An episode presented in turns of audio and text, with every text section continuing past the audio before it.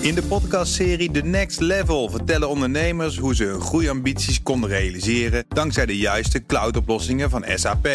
Wat waren de uitdagingen, de oplossingen en hoe ging de uiteindelijke implementatie? Benieuwd naar hun verhalen en hoe zij met behulp van SAP ook hun toekomstige ambities kunnen behalen? Luister de podcast The Next Level via de BNR-app of je favoriete podcast-app. BNR Digitaal wordt mede mogelijk gemaakt door SecureLink. SecureLink, part of Orange Cyber Defense. BNR Nieuwsradio. Digitaal. Herbert Blankenstein. Wordt je bedrijf getroffen door een cyberaanval, dan kan de schade flink in de papieren lopen. Systemen moeten werkend worden gemaakt, data hersteld, hardware moet soms worden vervangen en in het ergste geval ligt je bedrijf een tijd stil. Steeds meer verzekeraars bieden daarom een cyberverzekering aan en steeds meer bedrijven sluiten hem af. Daarover gaan we het hebben met Ewart Driehuis, cybersecurity expert bij Cybersprint. Welkom. En Stefan Zwager, cyber risk expert bij verzekeraar AIG. Ook welkom. Goedemiddag. Stefan, om met jou te beginnen, een cyberverzekering, wat regelt die precies? Nou, in tegenstelling tot uh, wat de meesten denken, is dat cyberverzekering niet de traditionele verzekering, maar biedt het ook een soort service. Wij noemen dat uh, eerste hulp of first response. -huh. Die is wel goed te vergelijken met de pechhulp van de ANWB bijvoorbeeld. Op het moment dat jij stil komt te staan met je auto. Um, op dat moment heb je wel echt een probleem. Je wil op je bestemming aankomen. Je bent misschien wel niet veilig op dat moment. Ja. Um, ja. Dus waar, waar, waar we in ondersteunen, en dat wordt gedaan door, ja, door specialisten, IT-forensisch specialisten, maar ook juristen, is die helpen jou achter de vangrail te staan, veilig te maken, maar ook om je weer mobiel te krijgen. Ja. Zodat je zo snel mogelijk als bedrijf, onderneming weer up and running bent. Ja, dus dat is, dat is één aspect, hè, directe pechhulp, zeg maar. Mm -hmm. Maar als je nou even kijkt naar de, naar de risico's en, en wat er vergoed wordt, waar, waar kan ik dan aan denken? Wat is gedekt? Nou, als je dan naar het volgende element gaat van de cyberverzekering, is dat wel weer de, weer de traditionele verzekering, polisvoorwaarden, de zak met geld. Mm -hmm. En dat is eigenlijk de, ja, de gevolgschade die er achteraf nog kan ja, kan plaatsvinden of heeft voorgekomen. En je kan dan denken aan bedrijfsstilstand en dan uh, winstverlies of extra kosten die je hebt moeten maken om weer je normale dienstverlening te kunnen, ja. te kunnen starten. Um, maar het kan ook een aansprakelijkheidsclaim zijn van iemand die is benadeeld doordat jij een, een cyberincident hebt gehad. Dus jij hebt je product bijvoorbeeld niet kunnen leveren ja. of je dienst niet voldoende. Dan, uh, dat, zijn, dat zijn dingen die heftig in de papieren kunnen lopen, stel ik me voor. Nou, in zijn totaliteit wel. Um, denk maar aan een productiebedrijf die stilstaat en die een week niet kan produceren en zijn producten niet kan verkopen. Dat, ja, dat, kan, dat, dat kan een heftig effect hebben op de continuïteit van die onderneming. Ja, dan kan ik me ook voorstellen dat als je een klant krijgt, die klant wil een verzekering, dat je dan tegen zo'n klant zegt: ja, maar dan moet jij wel zorgen dat je deze en deze en deze dingen op orde hebt. Zoals je ook, als iemand zich tegen brand wil verzekeren, dat je bepaalde duidelijke brandgevaarlijke plekken hersteld wil zien. Dus wat voor eisen stellen jullie aan klant? Nou, dat is een goede vraag. En ik weet ook dat er veel discussie over is geweest. Um, maar wij draaien het eigenlijk om. Wat wij willen weten, wij willen graag weten wat ze op dat moment hebben gedaan. Want we weten dat het veel tijd kost en veel investering kost om tot een bepaald niveau te komen. Dus we starten met waar ben je op dit moment mee bezig? Wat heb je gedaan? Welke beveiligingsmaatregelen heb je genomen? Welk beleid heb je staan? Um, wat we vervolgens doen, we hebben dan eigenlijk een, een, een foto van de onderneming die we loslaten op de ervaring die we hebben als verzekeraars. Welke schades hebben we gezien in het verleden? Wat voor impact heeft dat gehad uh, op hun bedrijfsvoering? En uitgedrukt in euro's, wat voor effect zal dat hebben? Nou, en dan is eigenlijk de, de grootste uitdaging die daaraan vastzit is... Wat, wat brengt de toekomst? Want het cyberrisico ja. is ja, is wel, wel een, een risico dat constant in ontwikkeling is. We lopen met z'n allen altijd achter. De, de, de, de security mensen lopen achter.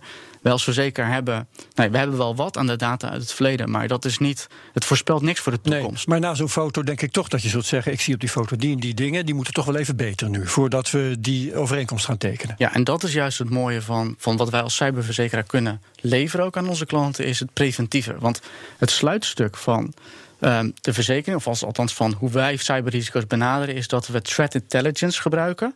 Uh -huh. En die baseren we ook op de, op de gegevens die we daarvoor hadden verzameld. Nee, maar noem nou eens iets concreets wat je, waar een bedrijf aan moet voldoen op zo'n moment.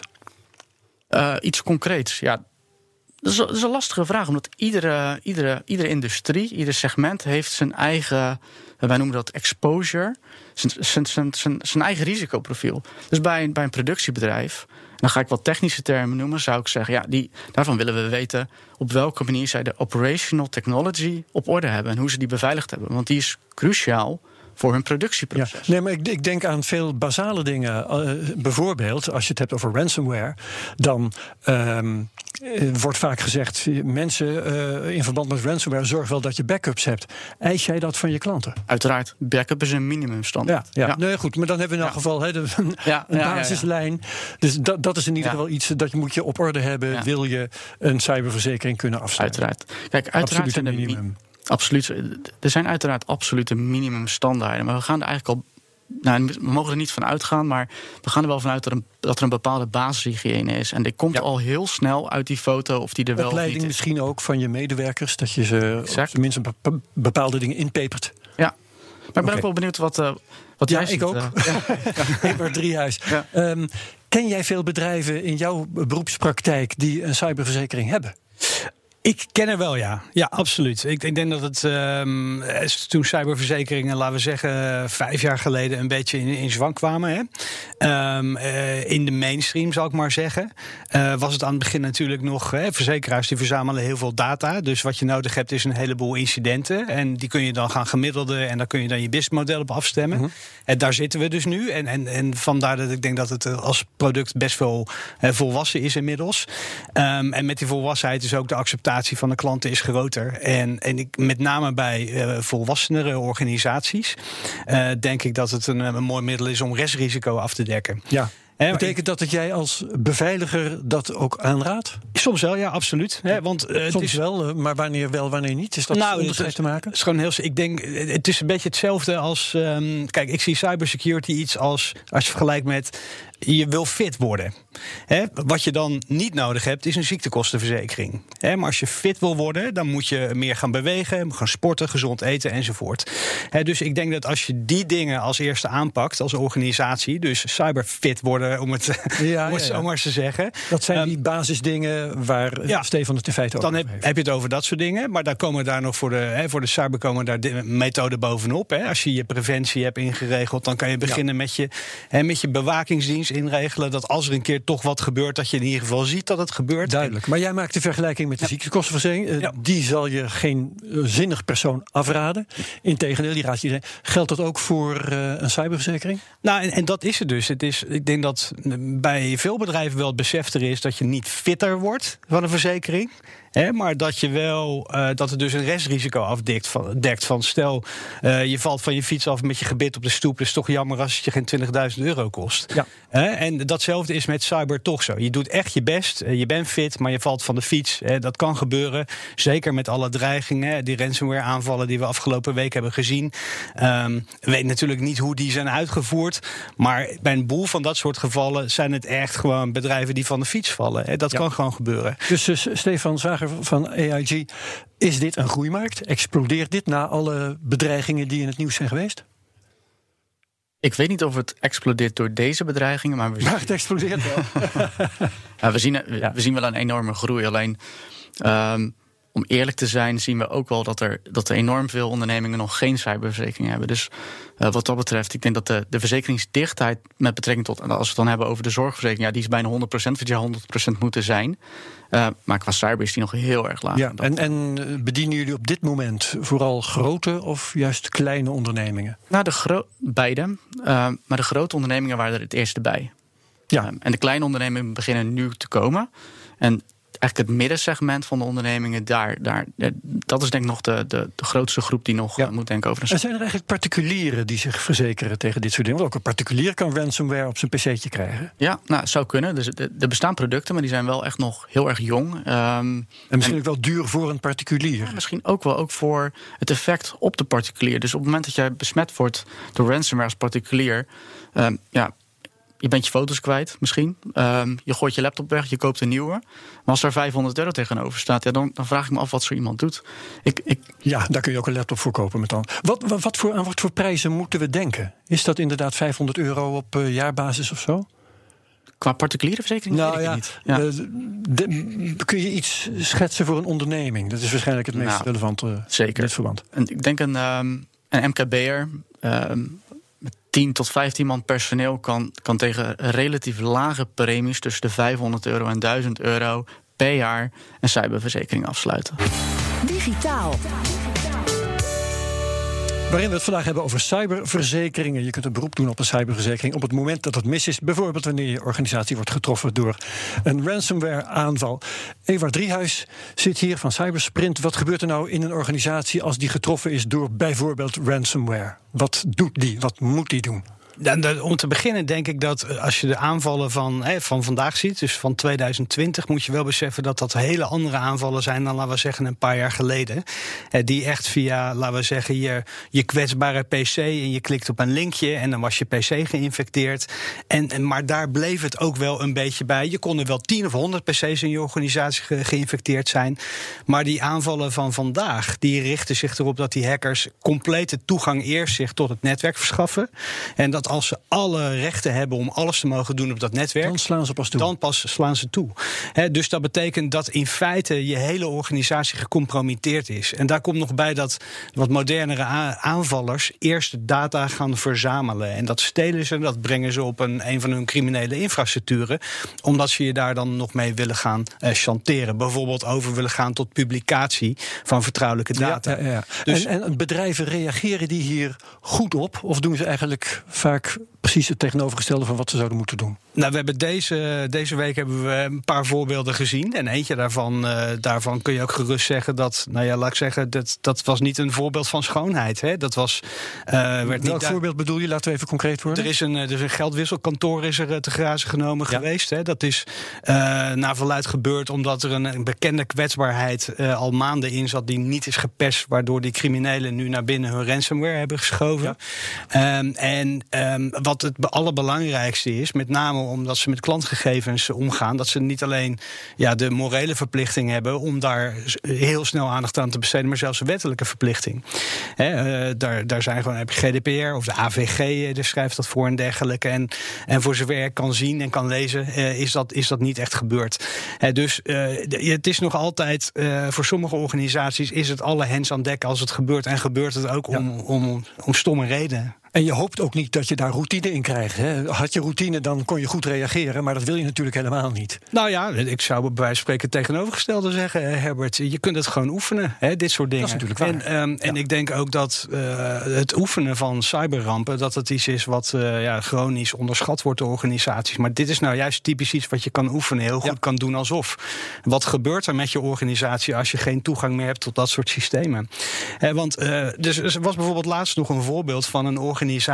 Hè, die eigenlijk, laten we zeggen, de amorele keuze... maar voor hun de gemakkelijke keuze maakte... om de criminelen dan maar te betalen. Want dat was de gemakkelijkste manier het zeker om nog verder over geld hebben. terug te krijgen. Ja, ja, ja. Daarna hebben ze de bestanden niet teruggekregen. Of het is in ieder geval niet gelukt om die bestanden eh, te, te ontcijferen. En ze zijn daarna alsnog failliet gegaan.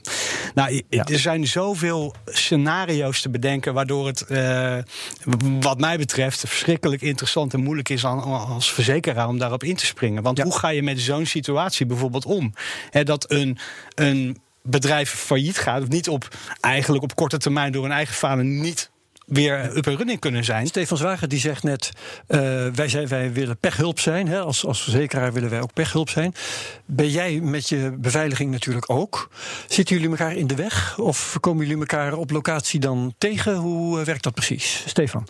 Nou, ik denk dat het goed is om te benadrukken dat wij zelf als verzekeraar niet de pechhulp zijn, maar wij huren de diensten in van iemand zoals Ah zo, oké. precies, dus dat is, eh, dat is goed ja. geregeld. Ja, exact. Ja. Ehm, maar eh, de klant beslist uiteindelijk wie die in zou willen huren. Dus als de klant zegt cybersprint huren, is dat cybersprint. Maar eh, wij bieden ook een proces. Als dat proces er niet is, of als ze niet de capaciteiten hebben om zoiets in te kopen, dan is dat er wel. Dus dan, dan hebben we dat paraat voor onze klanten. Ja, dus ehm eh, Ed- Ewart, jij komt dan eh, op locatie. Of misschien doe je het van afstand, weet ik niet. Maar eh, wat gaat er dan gebeuren? Nou, eh, om te beginnen, kijk, eh, met name dus als je hele netwerk als het ware dus gecompromitteerd is, dan moet je ervan uitgaan dat alles ook gehackt is. En dus de moeilijkheid is waar je vroeger gewoon heel letterlijk de geïnfecteerde PC'tjes als het ware kon isoleren van de rest en kon herinstalleren. Dat was echt te overzien. En dat is nog maar een paar jaar geleden. Nu tref je alleen nog maar een rokende puinhoop aan, bij Maar nu, nu in feite moet je ervan uitgaan dat je in dit soort situaties hetzelfde mee moet omgaan als wanneer je bij wijze van spreken door een uh, vijandelijk land uh, spionagehack hebt gehad. De, de technieken zijn bijna hetzelfde hè, om binnen te komen. Um, en ze hebben volledige domeintoegang. Dus je moet eigenlijk alles vaak vanaf scratch weer opnieuw opbouwen. Uh, en dat is een enorm probleem. Hè. Dus je backups volstaan ook niet zomaar. Hè, omdat je alle systemen opnieuw moet gaan inrichten. En dat kan gigantisch in de papieren lopen natuurlijk. Hè. Stel dat je een, een laten we zeggen, één standaard server hebt met bestanden erop. Nou ja, goed, dat, dat kan zo, laten we zeggen, 40, 100, 100 uur kosten om dat opnieuw te installeren. En daarna die bestanden vanaf de backup terug te zetten. Maar het ergste is ook nog eens dat je niet per se zeker weet of die infectie niet ergens al in die bestanden zit die je terugzet. Ja. Dus je zal daar een enorme zekerheidsmarge. Je zal er heel veel onderzoek aan moeten doen. Je zal er echt heel zeker moeten zijn. Want het ergste wat je kan doen is twee maanden bezig zijn met recoveren. En vervolgens heb je gewoon de infectie weer teruggezet. Ja, ja. Ehm, de kosten lopen dan uh, snel op. Uh, aan wat voor bedragen moet ik denken? Nou, kijk, als je een, eh, een incident response bedrijf, hè, en, en even voor de goede orde, hè, eh, wij, wij doen dat zelf niet. Hè, wij doen andere dingen binnen de cyber, maar uh, die rekenen zo, omdat ze op afroep de grootste experts beschikbaar moeten hebben, kost zo 300 euro per uur. Um, ja, en dit zijn geen dingen die, je, die je als het ware in 20 uur oplost. Hè. Dit, dit, als je, je kan er gevoelig van uitgaan dat afhankelijk de grootte van je bedrijf dat honderden of misschien wel duizenden uren kost. dus je zit zo tegen tonnen alleen al aan externe hulp aan te kijken. Um, hij los nog van uh, ja, de, de, effort die het jou zelf gaat kosten. De spullenboel die je misschien moet gaan kopen. Hè, om de dingen opnieuw. Ja. Uh, misschien vertrouw je, je je hardware wel niet meer. Er kan allerlei dingen aan, aan de hand zijn. En Stefan Zwager van AIG, komt het wel eens voor dat. Een, kan ik me namelijk goed voorstellen als ik het zo hoor. Dat uh, ter plaatse dan blijkt dat een bedrijf gewoon onderverzekerd is. Het zijn mega bedragen. Het zijn mega bedragen, ja, dat klopt. Um, ik heb, het, ik heb het nog niet meegemaakt dat een mhm. bedrijf onderverzekerd is op dit vlak. Uh, over het algemeen zien we dat wel voldoende capaciteit, en dan hebben we het over limiet, wordt ingekocht. Uh, zeker als de ondernemingen wat kleiner zijn, dan spreken we misschien niet zozeer over tonnen, maar wel als ze wat groter zijn, dan gaat het wel naar de tonnen toe. Maar ja, er zijn bedrijven die verzekeren zich voor 100 miljoen. Dus ja. dat is, ja, dat, dat, die, hebben, die zijn daar wel bewust van dat dit enorm veel geld kan kosten. Want uh, wat er nu ook wordt gezegd, uh, qua kosten, dan zijn, ben je alleen nog maar met het gedegen onderzoek bezig waarmee je een beslissing kan maken wat je wil gaan doen. Maar dan heb je nog niet de kosten van je bedrijfsschade vergoed. Precies, en, ja, ja, allemaal posten. Ja. Jullie monitoren continu hoe het risico op een cyberaanval zich ontwikkelt. Hè? Hoe doen jullie dat? Nou, daar noemde ik net al wat over. Dat is, dat is threat intelligence. Dat is op zich een algemeen begrip voor de, in ieder geval voor de security wereld. Maar dat, dat is data, real-life data. Dat we zien wat gebeurt er in de wereld, in de cyberwereld. En die data die gebruiken wij om nou, zelf te weten welke risico's er zijn. Um, ook zodat we goed de prijs kunnen bepalen en de condities kunnen bepalen voor onze verzekerden. Uh, maar we helpen onze verzekerder ook mee door uh, onze eigen inzicht, onze schadeinzichten, uh, hun status en dat te koppelen aan die threat intelligence. wij, wij geven ze namelijk een, een rapport waaruit blijkt hoe ze scoren volgens ons. Uh, maar we laten ook zien wat de financiële impact is bij bijvoorbeeld een bedrijfsstilstand of een, um, een, een datalek. En ik denk dat dat enorm waardevol is en dat we daar ook onze preventieve functie als verzekeraar laten zien met bewustwording van oké, kijk, dit zien wij dat er kan gebeuren, verzekeren. En we geven ze zelf ook, zelfs ook aanbevelingen op welke vlakken ze zich kunnen verbeteren om die betere score uh, te krijgen en misschien wel een betere premie. Digitaal. Laten we uh, naar de recente discussie gaan over cyberverzekeringen. Er zou te makkelijk losgeld worden betaald aan criminelen die ransomware uh, plaatsen, omdat het gedekt wordt door de verzekering. Stefan, jullie vinden dat als verzekeraar een misvatting. Dat verbaast mij ook niet, maar hoe zit dat precies? Je mag dus wel betalen, vinden jullie? Nou, nee, wij, wij hebben een aantal argumenten. Hm? Um, het eerste argument is dat wij zelf niet betalen aan de crimineel. De, de ondernemer die neemt zelf de beslissing om te betalen. Wij vergoeden de schade van de ondernemer. Maar die doet dat des te makkelijker als hij weet dat het vergoed wordt. Dat is toch logisch? Nou, dat zou je kunnen zeggen. Maar de verzekering die vergoedt niet alleen maar de los, het losgeld. De verzekeraar die goed ook het gedegen onderzoek om te komen tot die beslissing om losgeld te betalen.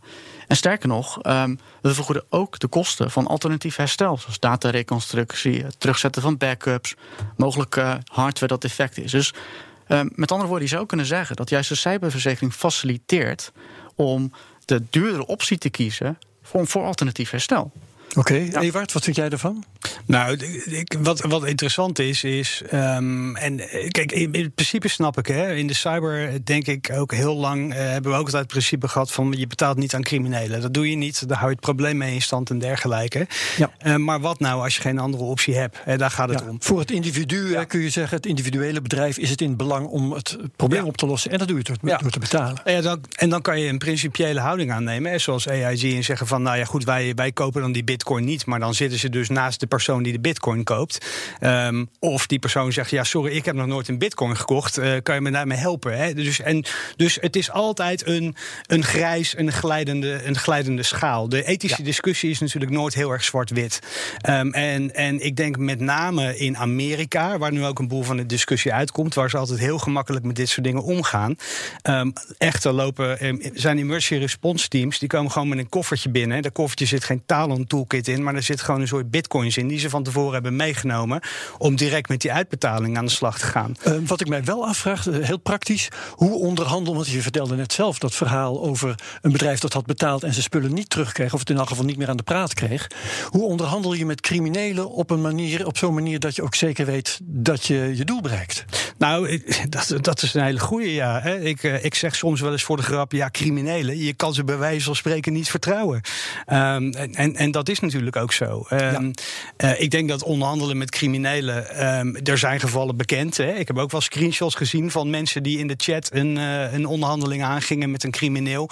Ik, ik heb niet sterk het idee dat er, dat er nou experts voor zijn die dat gewoon uitstekend kunnen. Nee, dus het blijft een gok. Het, het, het, blijft een gok, ja. Maar het, ik denk dat het belangrijkste is, is dat de criminelen een paar jaar geleden hebben geleerd om precies, laten we zeggen, het, de, de Goldilocks ransom te vragen. He, dus zij doen zelf onderzoek naar hun slachtoffers. Wat het ideale bedrag is. Wat is een bedrag wat ja, zij ja, naar aanleiding van de jaarrekeningen zo maandelijks eh, in ieder geval op de rekening hebben wat ze kunnen betalen. Ik moet tot slot nog eventjes bij Stefan vragen. Um, het is een beetje uh, afweging tussen individueel belang en algemeen belang. Maar jullie zitten als verzekeraar op een ideale plek. Want jullie kunnen tegen je klanten zeggen: we doen dit helemaal niet. Want uh, als niemand betaalt, dan is dit hele criminele verdienmodel zo uit de wereld. Nee, dat denk ik niet. Want uh, wat ik eerder al zei, de, de losgeldbetaling, dat is, dat is echt een vangnet. Um, en er zijn ook onderzoeken geweest dat in heel veel gevallen die, dat losgeld gewoon betaald wordt door die onderneming. En uh, of dat dan vergoed wordt door een verzekeraar of niet. Ik denk dat het alleen maar sterk is als verzekeraar dat je het lef hebt om uiteindelijk het laatste stukje om weer up and running te komen, dat je daar ook gewoon voor staat voor je, voor je verzekerde. Um, en dat is, ja, dat is wel een beetje wat, wat, waar de cyberverzekering zijn functie laat zien: bedrijfscontinuïteit en waarborgen daarvan. Oké, hartelijk dank allebei. Evert Driehuis, cybersecurity expert bij Cybersprint... en Stefan Zwager, cyber risk expert bij verzekeraar AIG. Goed, je kunt BNR Digitaal terugluisteren via bnr.nl, onze app... of waar je ook maar naar je podcast luistert. En dan vind je ook mijn andere podcast, De Technoloog... en de Cryptocast, waarin we het morgen ook hebben... over de recente koersprong van de bitcoin. Wat BNR Digitaal betreft, heel graag tot volgende week. Dag. BNR Digitaal wordt mede mogelijk gemaakt door SecureLink. SecureLink, part of Orange Cyber Defense. In de podcastserie The Next Level vertellen ondernemers hoe ze hun groeiambities konden realiseren dankzij de juiste cloudoplossingen van SAP. Wat waren de uitdagingen, de oplossingen en hoe ging de uiteindelijke implementatie? Benieuwd naar hun verhalen en hoe zij met behulp van SAP ook hun toekomstige ambities kunnen behalen? Luister de podcast The Next Level via de BNR-app of je favoriete podcast-app.